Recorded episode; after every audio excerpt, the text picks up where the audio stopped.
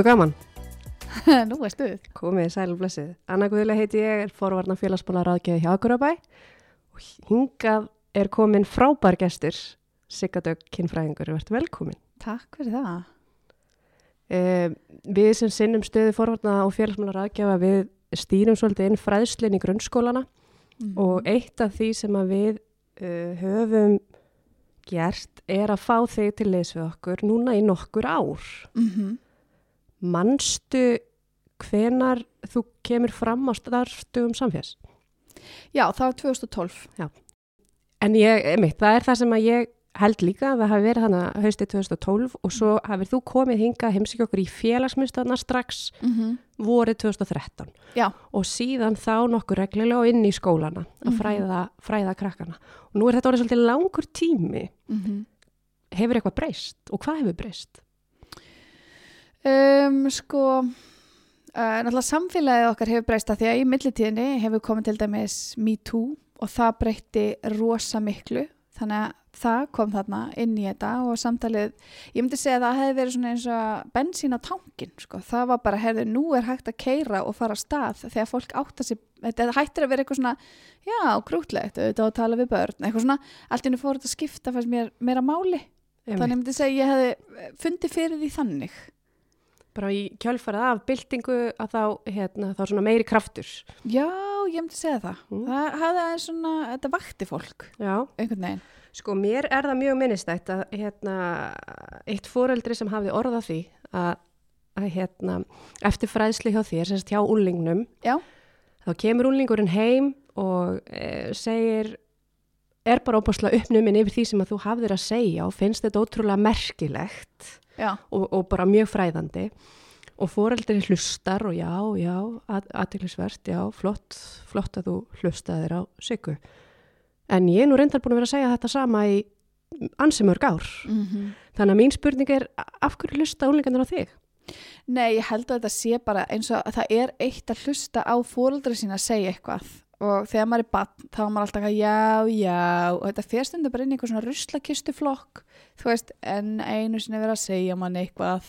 Og ég held að það sé svo dýrmætt það verið mörg að segja það sama. Þannig að mér finnst það einmitt geggja þegar að þú veist ég segi eitthvað og þið félagsmyndstöðinni og kennarin og fóreldrið og fjölmjölarnir og allt í hennu þá fer þetta svona að- syngast inn. Svona hægt og rólega síast. Já, ég, ég, ég finn það líka með mig sjálfa, ég, ég þarf ofta að heyra skilaböðum frá mörgum áttum og ég held að flestir í ástarsambandi tengja ókslega vel við það að maki mann segir bara, oh my god, ég búin að segja þetta hundra sinni, svo kemur eitthvað vinkona eða eitthvað og það er eins og maður aukvitað nýjan sannleika.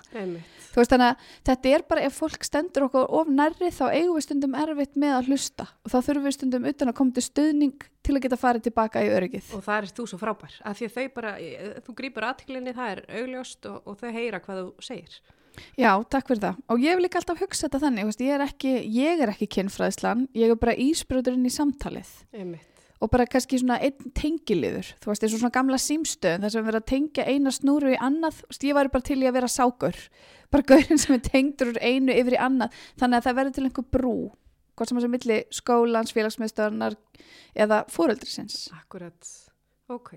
Og kannski svona út frá þessu, hérna, hvað, hvað finnst þér vera mikilvægast varðandi kynfræðslu nefnda? Uh, mér finnst mikilvægast þessi sjálfsákvörnaréttur og, og þetta er líka það sem að hérna, al, alþjóð heilbyrðistofnunin hefur lagt svolítið vel og, og hérna, já, svona skýnt ljósi á og sett sem efst og það er að leggja áherslu á unað og það á að stýra hvernig við uh, kennum kynfræðslu að leggja áherslu á hana sjálfsákvörnarétt og unað og leggja þetta í japs og það er mjög nýtt sko að leggja áherslu á unað í kynfræðslu Einmitt, hva- já. Áður ég sko bara ég hugsa út frá sjálfur mér þá var kannski meira að vera að fjalla um, um svona öryggi og, og breytingar og líkama og svo framvegist. Það var svona svo kynfræðsla sem maður fekk. mm -hmm. Það er, það er önnur tíð í dag. En það er alveg hlut af kynfræðslu. Kynfræðslu er bara ótrúlega stort og Já. mikið. Þú veist, þannig að ég held að það er bara það sem kannski gleymist, fólk vil setja hana í eitthvað eitt að hún eigi að vera eitt en hún er bara risastórt samtal sem á sér stað yfir mörg ára því eins og segjum, en líka mann er að breytast hugmyndirnar okkar, þroskin, allt þetta félagslegu tengslin. Þannig að eðlilega þarf kynfræslan að haldast í hendur við það og mótast og breytast eftir því. En það er bara áhugavert, við náttúrulega erum kannski svolítið sem samfélag, þá erum við um, kannski sérstaklega hérna á Íslandi. Við tölum um okkur til dæmis sem vinnu hesta og því sem best ég veit um hesta þá vinna þeir þanglið drepast. Þú veist, þeir hætt ekki, þeir eru ekki eins og þeir eru ekki eins og asnar, múlasnar þeir bara þráast við og bara veist, hætt að reyfa sig þeir eru þreytir, þeir bara stoppa. En við erum vinnuhestar og þetta er alveg svona nota sem hrósinn á Íslandi. Þannig að við veginn svona þjösnumst áfram það er dygð að um, það er ekki dygð að slappa af hugusæ og veist, ljóta og lífsins. njóta unnars Nei, það Nei, er það eiginlega ekki sko. En, en átt þú þér einhverja svona drauma sín og hvað væri frábær kynfræsla fyrir uh, nefnendur í grunnskóla? Já, ég á það náttúrulega þar sem að hérna, það er bæði námsefni og þjálfun fyrir kennara til að sinna þessu frá fyrsta bekk og út, út allt skólast í raun og veru. Þannig að það inn í það fer leikskóli og grunnskóli og framhaldsskóli og að það sé- til batteri þar sem að kennarar eru ekki bara þjálfaðir heldur hljótaðir endur, einnig endurmentun og stuðning, svona eins og hálgera handleiðslu að því að þetta er bara málefni sem er af öðrum toga en starffræði. En sérðu þá fyrir þér að þetta sé eitthvað sem er tekið fyrir af og til yfir veturinn eða bara nokkuð reglulega eins og í mitt starfræðin? Sko, það, það er alveg, það er alveg rannsóknar á bakvið bæði, annars vegar sem sérfag og hins vegar fléttað inn í önnur fög. Ég held að ég sé pínu hrifin af því að hafa þetta sem sérfag, af því þá finnst mér þú geta stimplað þig aðeins inn í það. Ok, hérna er ég komin í rými þar sem að þetta verður rætt, af því að það er líka alveg gott að fá frí frá þessu og, og fá að hugsa sig hans um og fá smá fjallægð. Þannig hérna, en ég er samt trefina líka þegar kennur að leifa sér að nýta kynfræðslu í, þú veist, dönsku tíma og starffræðitíma eða leifa sér að sprella með það og bara hafa húmor fyrir því. Emi. En ég held ekki að ég myndi vilja sjá þetta sem svona sérfag og ákveðin hátt. Já, ok. Takk fyrir það. Ég held nefnilega sko að kynfræsla getur verið svo ábáslega opið og það er hægt að koma inn á svo ótrúlega margt Mm -hmm. varðandi kynfræslu.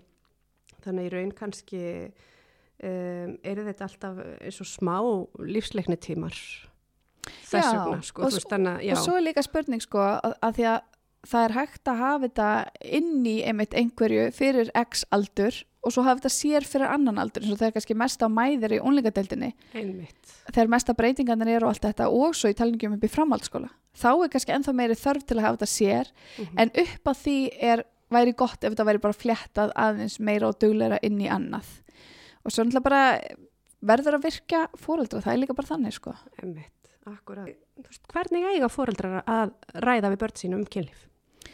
Já, það hérna, ég held að þarna það er svo margir hrættir um að klúðura þannig þeir ger ekki neitt Einmitt. og það er svona eins og pínu að segja þú veist, ég riksuga illa þannig ég ætla ekki að riksuga neitt þú veist, það bara virkar ekki þannig það þarf bara að stíga inn í þetta og leifa sér að fara þangað og þarna hef ég, þú veist, þetta var, var svo fyndi sko, því að fyrsta bókin sem ég skrifaði var fyrir foreldra að að, og, og ég var rosa mikið spurða þessu bara, akkur er ekki að skrifa bók fyrir unlinga alltaf að tala með unlinga og veist, skrifaði bara eitthvað fyrir og, og ég svona, herði, ok, allt sem ég sé hérna og heyri og það sem ellendar rannsóknir segja er að fóreldrar verða að vera að hluta þessu samtali, við getum ekki hendi þau bók og loka þau inn í herbergi. Við verðum að opna þessar samskipta línur af því að það er svo margt annað sem við getum kent sem er ekkert beint kynlíf, heldur bara þetta mörg tilfinningar, ástin, samskiptin, praktiska hlutur um líkamann, eitthvað svona skutla til læknis, þú veist bara, við erum að opna þessa samskiptaleið, það er það Akkurat. sem við þurfum að gera. Og ég ætla bara, hérna, hef verið með þessa fyrirlastra frá 2012 minni mig, síðan með fóldra fyrirlastrana, byrjaði með á þá. Og sérstaklega eins og í COVID og svona, þá og bara hvernig við notum nútum á tæknina þá hérna vippaði ég þessu yfir í svona rafrænt uh, námskeiða form af því að það, það, bara, það bara verða alltaf að vera til gögn þú veist það er ekki hægt að segja bara já hún var alltaf með fyrirlestra en uh, hún er hættið að hún var upptekinn við ætluðum að bókana að ég komst ekki, ég var veikur þú veist þetta er bara, Sem að gerist alveg reglulega. og bara eðlilega Já, já, já. þannig að ég hérna, ég vildi líka bara svona, ég vil bara vald efla fóreldra þannig að þau hafi líka sjálfströst og öryggi til að vita hvað á ég að tala um og hvernig Akkurat, einmitt. Um, en hvað með annara manna börn? Mega foreldrar taka þetta samtal við annara manna börn? Sko, þetta er pínu snúið að því að stundum koma annar manna börn með spurningar. Ég myndi kannski ekki taka annar manna barn og bara, já, já, nú ætla ég aldrei að segja þér. En eins og ég get bara tala fyrir sjálf á mig, ég menna börnum mín eiga vini og þau hafa komið spurningar og þá hef ég sagt, og náttúrulega bara eftir aldrei og þroska og farið bara svona, er þetta nóg fyrir þig að þetta svari sem þú vilt? Eins og ég á með hérna uh, börn á grunnstígi sem voru að spyrja út í klám og þar var ég bara með hóp fyrir fram að mig og það er ekkert í bóði að segja ræði þetta við fóreldri ykkar, líka því ég veit bara hvað fóreldri ykkar erfitt með þetta og ég hef fengið frá fóreldrum sko, sagt, já, frá fóreldrum í kringum mig bara, getur þú ekki komið í heimsókn? En það er ekki bara að spjalla við krakkan en það er að hitta hópin, þú veist, eitthvað svona þannig að þá tókum við það bara nokkuð innfalda og þægilega útskýringu. Og nú er það orðið pínu svarið, já, herri, við getum alltaf spurt bara mömmu, þú veist, að já spyrjum bara mömmu, hún veitir döruglega þannig að mér finnst það líka dýrmætt þegar eitthvað fóreldri leifi sér að opna þetta samtal þannig að það getur verið fóreldri sem stendur fyrir svörum ef þau fá ekki svör heima á sér. Akkurat, ég held, já það er svona mín, mín tilfinning að meðan að börnin eru ung að þá þórum við að ræða um líkamann og, mm -hmm. og mhm. ræða svona þessi mörka mitt og, og svona við, við litlu börnin okkar en þegar þau stækka og verða unlingum að þá verður þetta allt í einu að einhverju feimnismáli, við þórum ekki að segja hvað sem er og hættum okkur jáfnframt ekki í samtali við þau. Nei, sem er svo ótrúlega skrítið. Það er svo fyndið að því að það er eins og þá fyrir einhver unnaður að þvælast fyrir okkur að þetta sé eitthvað þægilegt og gott en þú veist, það er bara hluta af þessu samtali en að því að við erum svo krumpuð oft og með alls konar sár frá okkar eigin æsku bara og okkar kynlífsrænslum að þá bara erum við hrætt, við erum hrætt um hvaða yfir í okkur að fara að tala um þetta og, og við hefum kannski ekki gert upp okkar fortíð. Ja. og það gerir þetta líka ennþá erfiðara.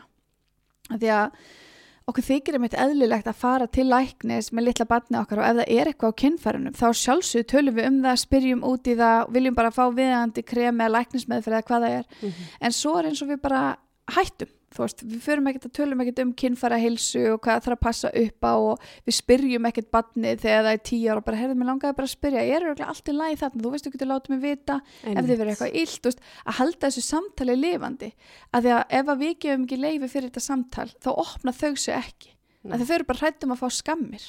Upplifa ég líka bara feimnina eitthvað, þú nefndir aðeins áðan svona hvað þú hefur gefið út, bókin sem þú skrifaði fyrst sem var allir mhm. fyrir fóreldra og svo núna þessi, hérna, þessi fyrirlestrar, mm -hmm. rafrænu fyrirlestrar. Mm -hmm. Ertu, getur þú bent fóreldrum á eitthvað meira efni sem þau getur nálgast um, fræðslu?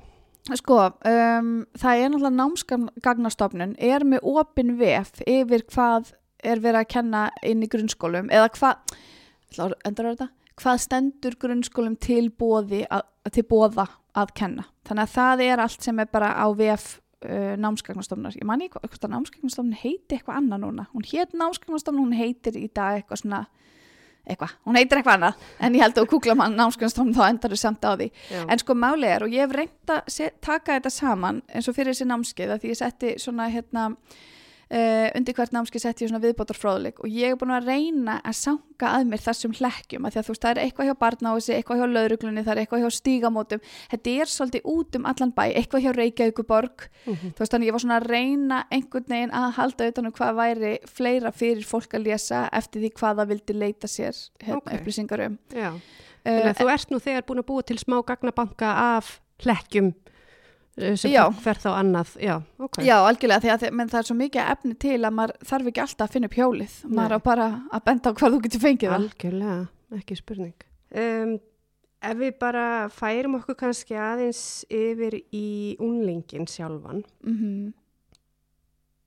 hvað myndir þú segja að ungt fólk þurfa að hafa í huga þegar það er að stiga sín fyrstu skref í kynlefi um Ég myndi bara segja að það þurfti að hafa í huga þekkja líkamann sinn og uh, að geta tjáð sig af því að það er svolítið líkillin í þessu öllu bæði upp á að geta sett mörg og að geta fengið samskipti eða geta haft fengið samþyggi segja að hafa þessi samskipti mm -hmm.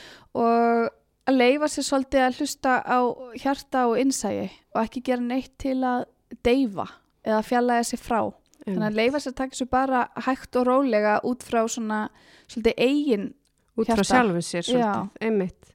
Mér er svo flott í, í fræðslunum þegar þú kemur inn í skólan og ert að spjalla völingarna þá hérna það talar svo mikið um þetta. Þau hugsa þetta út frá sér og þau spá í bara hvað þau vilja og hvað þau setja sín mörg mm -hmm. að því út frá því þá pælum við líka í ok, ef ég er með mörg þá lítur einhver annar líka vera með mörg Mhm. og svo þjálfaru þau upp í þessum spurningum um, Ertu til að þylja þessar Já. spurningar?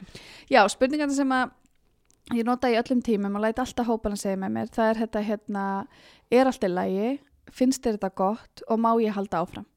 Að ég held að við getum vel verið sammála um það sem samfélag að við erum ekki læs í einhver, andlits, andlitsdrætti og við erum með lokuð augun og við erum ekki að fylgjast ná vel með og við erum ekki að nota orðin okkar. Þess vegna Mhm. erum við alls konar veseni með kynlíf. Þannig að þetta fyrir þau er hugsað bara sem, sáðu hvað þetta er einfalt, þetta er alls ekki flókið og við gerum þetta í öllum aðstæðum bara oft á dag Mhm. og við þurfum bara að taka það inn í kynlífið. Og það er akkurat, við erum, hérna, við erum yfirleitt mjög dugleg að uh, spjalla saman, segja hvað við viljum, uh, hérna, og bara ræða, við erum yfirleitt ágætt í samskiptum, Mm -hmm. en svo verðist við skilja þau bara eftir þegar það kemur að kynlífi. Já, við náttúrulega óttumst að vera dæmd og við óttumst um að afhjúpa að við séum skrítin eða óeðlileg og þá frekar einhvern veginn kjósum að dvelja í þögn Já, og þá, þá bara, það gerist ekkert gott ef við dveljum í þögninni, ekki þarna sko. En þá verður til allir þessi, já en ég held og, og hvernig, einmitt. hvernig var að lesa út í því og leysa það? Þú veist að við vitum ekki. Við vitum ekki fyrir en fólk notar orðin sín. Og svo er hérna, sko, já, aldrei held ég að við ætlumst til þess að annar einstaklingur geti lesið hugsanir okkar nema kannski þessum aðstæðum. Já, sem er alltaf hræðilegt. Já, Bara ég myndi aldrei velja vera sett í þá aðstöðu að ég ætti að vita hvað annað fólk vill. einmitt. Það er bara skelvilegt. Það er svolítið pressa. Já, og þetta er svona eins og þegar maður er veitingastæður og nei, þegar maður er hérna, þjóttn á veitingastað, ég hef oftin á veitingastöðum og vann þar í mörg ár og þegar maður fær spurninguna hérna, hvað er best á matselinum? Og maður er ekki, já, herru tíkursegna, rosa góð, nei, ég fíla ekki fisk, bara, nei, einmitt, og þá hefur ekki kemur kannski svona, hvað er vinsælast? Og maður er bara, herru, þetta er salat, nei, ég er ekki hrifin að salat, nei, einmitt, herðu, viltu ekki bara aðeins pæli hvað þú fílar og, og, og þá getum við kannski komist hérna að einhverju niðurstöð, Einmitt. Þannig að þetta finnst mér alltaf svo áhugavert að því að það er einhverju kynfyrslu samingi þá eigum við erfiðara með það og erum hrættari við það. Og þetta er kannski spjall sem að væri gott að taka bara foreldri úlingur. Algjörlega. Þú kemur aðeins inn á það í, í þáttunum alls konar kynlíf. Mm. Þá farið aðeins inn í þarna emoji eða Já, tjáknin. tjáknin, já, já. Um, sko, bara fyrir únling út í bæ, myndur þú segja, eða únlinga, myndur þú segja að það væri nóg fyrir ungt fólk, fyrir únlinga, að vera búin að spjalla saman á samfélagsmiðlum, jafnvel einungis með notkun þessara tjákna Mm. og vitandi þá uh, að fara inn í kynlif með hvort öðru að vita upp á hár hvað hinn aðlinn veit. Uh, nei, ég myndi segja að því að þarna blandast inn í ákveð daður og við erum ekki í nærvöru með henni manneskinu, við erum bara í gegnum síman og eins og margir réttlætisrittarar þekkja, maður getur verið ansi stór á bakvið likla borðið og lofað alls konar skíaborgum og láta stóru orð falla, svo gerist annað þegar við hittumst í Einmitt. personu og þá þarf að endur semja þannig að þó þessi búið að segja þarna já ég fíla þetta og til í þetta svona þegar við svo hittumst þá þurfum við að meta er það ennþá stemmingin? Er þetta það sem við erum til í? Og bara herrið maður ég fá alveg á reynd að þetta sé það sem við erum að fara að gera ég myndi alltaf staðfesta það með orðum Og þóra að setja orð á það. já algjörlega það var það svo mikil tjákna miskilningur ég myndi aldrei þóra að reyða mig á tjáknin ein og saman sko Nei, nei, nei, akkurat. Um, hvað, myndir, hvað heldur þú að unlingur eða unlingar hræðist mest varðandi kynlíf, eða í sambandi við kynlífið? Um, mér finnst þess að stelpur óttist sársöka og ofbeldi og ég svona, ég hef, eh, mér finnst svona, svo leilt að segja, en mér finnst þess að strákar séu ennþá pínur svona, það er ákveðin framistaða, það er ákveðin framistöðu kvíði. Mm -hmm. Þeir, mér finnst þeir ekki jafn óttaslegnir margir samt eru farnir að verða óttaslegnir um að fara yfir mörg og hvað það þýði Mm. en mér finnst þetta ennþá að vera svolítið framistöðu tengt þannig að þeir eigi að standa sig og þurfi að kunna geta og græja En kannski ymmið tengist þetta að því að eh, hérna ef að aðelinn sem að drengurinn er með tjáur sig ekki, segir ekki hvað hann vill eða Mhm. hvað hann finnst gott þá er pressa að þú þurfur að vita það Já, sem algjörlega. er mjög ósangjörn mm -hmm. og einni hvernig á hann þá að vita hvað mörkin eru Já, algjörlega og þá líka verður kynlífin alltaf svolítið einhlega ok, ætla þú ekkert að gefa á þér einna en þú segist samtilega stund að kynlíf með mér á ég þá ekki bara að gera það sem mér finnst gott? Þú veist, þetta, þetta verður allt í svona einhvern veginn leiðinda hrærigrut og þess vegna eins og þegar við förum svona í haldbær dæmi, þess að við förum bara setningu í gegnum setningu um hvernig svona samskipti geta litið út, mér finnst það gagnast krökkunum ótrúlega vel að því mér finnst að setja þau í svona búning sem þau skilja. Ekki bara þið þurfa að hafa samskipti þegar maður sýnir bara og leikur þessi samskipti þá bara já ok og þetta tekur bara pláss og þetta tekur tíma. Já, og þetta er þjálfun og þetta er þjálfun. Og þá kemur ísrúndurinn sterkur inn eins og nefndir hérna já, ég er alltaf að senda þetta fólk í ís. Ís með fóldun sínum, ís með kæró. En af hverju er rúndurinn svona frábær fyrir þetta spjall? rúndun er náttúrulega, er það er bæði, sko, rannsóknir hafa sýnt að við höfum erfitt með að taka, við höfum auðveldara með að taka erfið samtöl á hreyfingu. Þannig að hvort sem að sé í göngutúr eða þá einmitt í bílferðum að því okkur finnst eins og það á þessar hreyfingu og finnst okkur okkur miða áfram í stæðan fyrir að setja kyrri í sófónum þá erum við först, já, þetta er mjög áhugavert nefnilega, þá metum við að þannig að það er auðveldara að taka þetta því það er hreyfing. Já, og þannig ertu líka þeir eru einangruð og það, veist, þannig að þið getið treystja, það eru bara þið. Og aukumæðurinn er ekki í símónum þannig að þarna er auðveldra kannski að semja um símafrían tíma líka sem ég er mjög hrifin af að semja um símafrían tíma. Þess vegna eru sundlugar frábærar þetta er svona seinasta víu okkar hérna á Íslandi fyrir símafrían tíma. Og þarna við þurfum ekki að horfa á hvort annað en við erum samt á sama stað og við erum freka nálagt hvort öðru. Einmitt. þannig að það neyður okkur til samtals. Og við getum meld, við getum hort út um gluggan, við getum hlustað á orðin og aðeins setið með þau, Mhm. en að sitja í þögn e, heima í sófa er svolítið þrúandi Já, og engi með ís til þess að og enginn með ís Við höfum að mista kosti ísinni á Höfum að það. Nei, þetta er líka bara, það er ekkert verra að kikka eins inn hérna smá svona gleði hormón sem kvikna oft við það að fá sér sætindi og Algjörlega. ís, þú veist, það bara kviknar okkur um heila stöðum sem er bara, mmm, setur þið í svona smá jákvæðari stemmingu, Einmitt. bara smá gleðja. Smá gleði, já. Um, við fengum unlingana hérna á Akureyri til þess að kasta til okkar nokkrum spurningum sem ég langar að bera undir. Ok. Hvað veldur því að kynlíf er gott? Það er náttúrulega bara, það er hægt að sjá það, sko það er ekki beint hægt að segja að það sé bara taugafræðilegt, af því að maður getur ekki bara einhvern veginn hamast á óörfiðum kynfærum og, og það verður gott. Mm. Það er ekki nótalegt. Um, þetta er samspil huga og líkama og þetta er samspil svona að leifa sér að eiga notalega stund og tengjast líkamann sínum. Þetta er svolítið það. Mhm. Þú vilt vera í líkamanninum til að þetta sé notalegt. Þú vilt ekki vera aftengdur. Og þú vilt Við aftengdur, getur þú komið með einhver dæmi? Hvað er þetta? mm, að vera aftengdur þá er eins og til dæmis hérna um, þú reynir að stíga til hliðar úr líkamanninum ekki að hugsa um eins og við tengjum þetta oft við sásöka við reynum að fókusera ekki á sásugan reynum að fókusera á eitthvað annað um, þetta er kannski svo að þú að fyrir tannlæknis og það verður að fara að bóra í tönnina þá viltu reyna að hugsa um eitthvað allt annað. Þú vilt reyna að horfa á eitthvað annað eða láta heilan leysa einhverja reiknistraut eða eitthvað bara allt til að halda aðtiklinni frá sásökunum en þegar við erum að tala um kynlíf þá viljum við setja aðtiklinu okkar inn í líkamann og inn í það sem er að gerast inn í hugsanar og inn í bara hvað er gott og hvernig líður okkur vel Mhm. og kynfærnir eru bara, þau eru hönnu þannig að þetta er ein af okkar leiðum til að róa kerfið okkar og láta okkur líða vel trúlega sniðut Takk fyrir þetta. Hérna er önnur spurning. Uh, hvað á ég að gera þegar að stelpa byði mig stanslust um eitthvað sem ég er ekki til í? Já og þarna náttúrulega skiptir engum máli sko kyn viðkomandi það áengin að setja kröfur á okkur um eitthvað sem við erum ekki til í. Og, og þarna erum við bara að tala um að setja mörg og virða mörg og fólk sem ekki virði mörkin okkar það er ekki fólk sem við getum umgengist að við verðum að geta treysti að fólk virði mörkin okkar. Mhm. og það á enginn að neyða neitt til neins. Það er að þá líka fyrir við bara gegn því að þetta sé eitthvað sem sé gott og sé þægilegt og sé skemmtilegt og gleðilegt.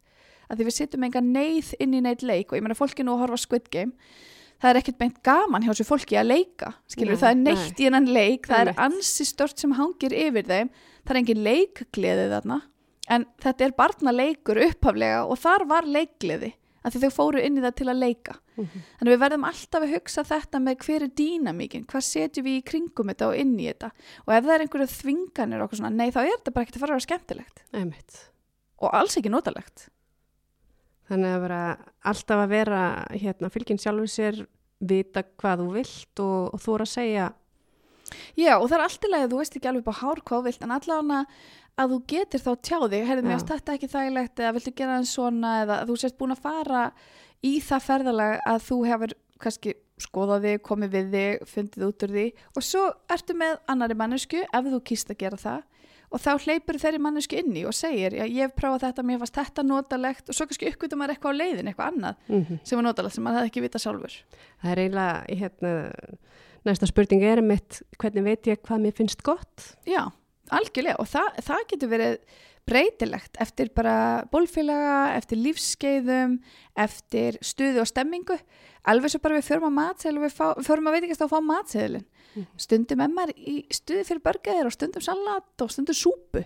Veist, þetta er bara, þetta, þetta er þessi mannlegi breytilegi sem er, mér finnst, gerir náttúrulega kynlíf svolítið skemmtilegt líka. Já, og algjörlega má. Mm algjörlega, bara eðlilegt sko. Ok, ef við höldum áfram, um, er eðlilegt að leifa unlíka pörum að gista saman? Sko þarna er það ekkit mitt að dæma um eðlilegt óeðlilegt. Þetta er bara eitthvað sem að foreldra ráða. Um, mér er mjög and um svefn heilsu fólks og, hérna, og að börn sérstaklega fái nóan og góðan svefn Mm og þá það bara eiga svolítið hreinskili og opinskátt samtal. Af því ég held að fólk sé ekki að gista saman til að gera það sko en ég get skilað að það sé kósi og hugulegt en þarna myndi ég bara vilja að veist, ég myndi taka þá samtal um hvað það þýðir og af hverju og hversu snemma farið að sofa og símatími og þú veist, þetta er bara eins og hvað annað, sko. Ok. Uh, er sjálfsfróun eðlileg? Mamma segir að ég ekki stunda sjálfsfróun. Uh, já, sjálfsvon er mjög eðlileg, mjög algeng, mjög náttúruleg, hún er ekki skilda okkar í þessu lífi, við þurfum ekki að gera það en við megum gera það og þarna finnst mér foreldrar ekki geta bannað börnunum sínum að því að þetta er þeirra líkami. Börnin eiga þannan líkama, börnun og lengarnir og þau mega koma við hann Mhm. að þetta er þeirra líkami. Þannig að mér finnst þarna, þarna má setja foreldri mörg, þetta bara kemur þeim ekki við. Já, með þessi mörg, þau virka náttúrulega á báða bóa. Það Mhm. er hérna, eða já, bara allir þeir einstaklingar sem að koma að kynlifi, þeir eru með mörg, það er ekki endilega sömu mörkin á milli. Mhm. Þetta á líka við á okkar heimilum, Algjörlega. milli foreldri og bars. Mm Algjörlega og minna, við setjum börnunum okkar oft alls konar mörg en erum kannski arfaslög í að virða þeirra mörg Akkurat. að því okkur finnst við eiga rétt á einhverju. En það verður mjög mikilvægt að kenna börnum hvað, hvernig það lítur út að setja mörg og þau séu virt og það þurfum við náttúrulega svolítið að bara Setja fordami. algjörlega. Mm uh, má stunda kynlíf áður en að þú ert 15 ára? Um, sko, ef þú ert að spá í lagalega þá er miða við að undir 15 ára getur ekki veitt samþykki fyrir kynlífi með einhverjum sem er eldri en 15 ára. Það er það sem er hegningalögin segja okkur. Uh, þannig að segja má, má ekki er bara svolítið stór og flókin spurning og það er náttúrulega, þarna skiptir líka aldur ótrúlega miklu máli, það er munur á því að vera 14 ára og að vera 8 ára, það er ekki það sama Mhm. og það skiptir máli með líka hvað við erum að tala um, það má alltaf stunda sjálfsfrón á öllum aldri en ef við erum að tala um að við erum að tala um kynlíf með einhverju annari mannsku þá vandast málin mitt. Þannig að þetta er ekkert, það er ekkert alveg endilega kristaltært. Nei, ég myndi alls ekki segja það sko Ok. Mm, eru allir karlmenn gerendur? uh, Nei, augljóslega ekki. Það er aldrei allir eitthvað þú veist, jú við þurfum öll að anda. Við vitum það að vísu, við þurfum öll að anda og sofa og eitthvað svona. En nei, alls ekki. Og ég held að MeToo hafi svolítið varpa ljósi á það að hérna við erum rosalega mörg bara ef að fullar fólk er virkilega heiðalegt og hreinskili við sjálft sig þá held ég að flestir hafa einhvern tíma farið yfir mörg einhvers Mhm. alveg óháð kyni sko Einmitt. og við erum bara að koma við erum bara að koma upp á yfirbara núna með kynlífsmenningu sem er afskaplega gölluð það er bara stutt síðan að það var eða stutt síðan, ég meina það er hérna hvað 50-60 ára sem að viðkjönd síðan það var viðkjönd í lögum að það væri hægt að brjóta á makanum sínum þú veist, það var bara, ég meina og oft eins og með e, alls konar heimilisofbeldi þess að þá er þá var það svolítið svona afstæðan við blöndum okkur ekki í heimilismál þú veist, það er bara svona ha, hvað meinaru? Já, já, ekki verið að rugga bátnum hjá einhverjum öðrum. Já, ekki verið að rugga bátnum og þetta bara leysi þið innbyrðis og, og þú veist þannig að við erum komin svo ótrúlega stutt á veg í þessu samtali og það er ekkit allir gerendur, þú veist, all, allt fólk er ekki gerendur en við höfum samt mörg alls konar saminskuna því að við kunnum ekki við kunnum ekki samtalið og vissum ekki hvað við áttum að segja og hvernig. Þannig að þegar við horfum núna tilbaka þá erum við bara já, heyrðu, vá, þetta var nú kannski ekki í lægi hjá mér þú veist, en þessi hugmynd var bara við líði og við vorum alls svo samdaunaði. Og hvað eigum, sko, við að læra sem samfélag á allari þessari umræðu sem að nú hefur átt sér stað undarfarið, undarfarið ár og ár bara með byltingum og annað. Hvað hérna, já, hvað eigum við sem samfélag að læra þessu? Ég held að það sé bara ákveðin svona mannvirðing fyrir fjölbreytileikunum og að hætta að tróða fólki í eitthvað mót og þú eigir að vera svona eða gera svona og veita aðeins meira pláss að þá sjáum við að þá, þegar fólki líður líka betur með sjálft sig þá líður því betur, betur í kynlifinu sínu. Þá er auðvildara að setja mörg og virða mörg og sem betur fyrir erum við þá aðeins búin að klippa á þess að tengingum melli áfengisneislu og kynlífs. Þú veist það hjálpaði náttúrulega bara um heilan helvitis helling. Og við erum farin að tala öðruvísi um kynlíf og um unað. Jafnbretti er náttúrulega eitt stærsta skrefi sem við hefum stíið í þessu. Bara þannig að við áttum að því að við erum á jafnbrettis grundvelli þú veist það er svo margt það er svo, það er svo margt sem er framfara skref fyrir samfélagið sem að hjálpar kynlífi. Og flest ekkert nefn framfara skrefin þau, þau hjálpa kynlífi. Þú veist, að því að þá eflust við samskiptum og sínum meiri virðingu og kærleika og allt þetta. Þannig þetta einhvern veginn hjálpar okkur alltaf. Og það er bara stutt síðan við vorum bara svolítið ribbaldar. Þú veist, ja, það er bara, ja, það er mínu upplifun. Við vorum bara svolítið gróf. Við, og það er bara, mér finnst bara svolítið stutt síðan við vorum bara ég á þetta, ég má þetta. Einmitt. og núna erum við bara eitthvað svona herðið, byttu, og við erum að setja spurningamerki við all okkar lifnaðarhætti uh, við framtíðarsýnin okkar. Við erum bara í algjöru endur sko. Líður bara sem í vorringetningu Já, bara varðandi allt. allt, Einmitt. A til Ö. Við erum bara, herðið, hefur þið geta, hefur geta nota glerglas, ekki plastglas, keftur þetta glerglas nota, þú veist, við erum bara í hennu stóra til hennu smáa. Já. allt á heimilinu liggur undir og, og vinnan okkar og allt sem við borðum og ég held að aldrei í mannkynsögunu hefur verið jafn, jafn mikill bara sjálfskoðun Já, svona nafla skoðun rækilegri. já, Við, og, já, og einmitt um, erum kannski ekki að sætt okkur við ákveðna hluti sem að var bara viðgækst hér áður fyrr. Í öllu. algjörlega og eins og bara margar hugmyndir hugmyndir um bara til dæmis svona staðalmyndir um karla og konur það lifi bara ótrúlega góðu lífi og þetta er oft svo rótgróið í manni Just, ég til dæmis aldrei grillað og vinkonu mín hún, hún bara eitthvað, af hverju hefur ekki grillað? Og ég eitthvað, ég veit það ekki. Í mín, mínum huga þarftu bara að hafa lem til að grilla. Þú veist, þetta var svona, það er alls konar svona hluti sem við setjum aldrei spurningamarki við. Bara Nei. svona er þetta bara hefðin og allt það. Já, og það bara tekur tíma. Það mun taka okkur tíma að vinda ofan þess að því við erum alltaf að byrja að kennsla okkur nýtt. Já, og svona spyrja okkur hvaðan kom þetta og akkur er þetta? svona. Og sömu þarf að breyta og öðru, annað, annað er bara allt í lagi ef fólk er sátt við það sko. Ef við tökum það saman, bara núna þessi, þetta samtala okkar, hvað Mhm. hérna, hvað er svona þrengt sem að, sem að þú myndi vilja að unlingar, annars vegar og foreldrar, hins vegar, taki svolítið með sér?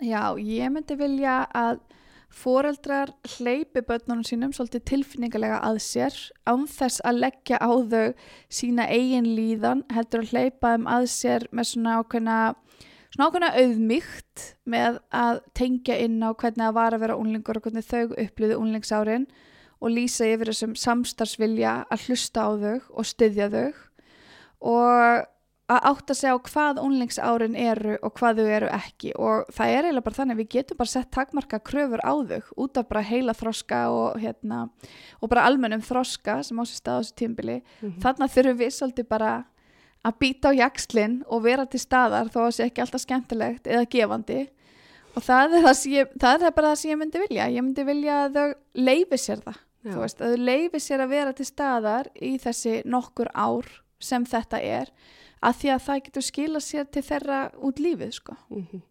og opni á samtalið geti svona bjóði upp á að þau geti nálgast þau já, já, bara það bara gefa leifi og láta vita að það er skilurslös ást um, óháð kynneigð og kynvitund og, og kynhegðun líka þú veist Mhm.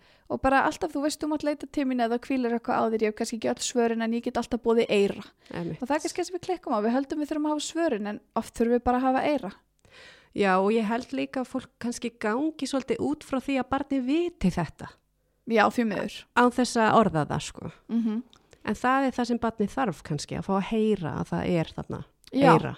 Algjörlega og bara minna á það. Þegar meina þú þekkja með maka en þú veist það er ekki nóg að hann sagði ég, ég, en ég sagðist elskaði fyrir fjórum árum. Einmitt. ég sagði verið við tveimur árum þú væri sætt hvað, er þetta ekki nóg fyrir þig? Ég, veistu þetta ekki, nei nei við viljum bara fá marg oft staðfestingu á þessu og heyra þetta bara Já, oft og reglulega. Akkurat, akkur ætti þetta að vera eitthvað öðruvísi?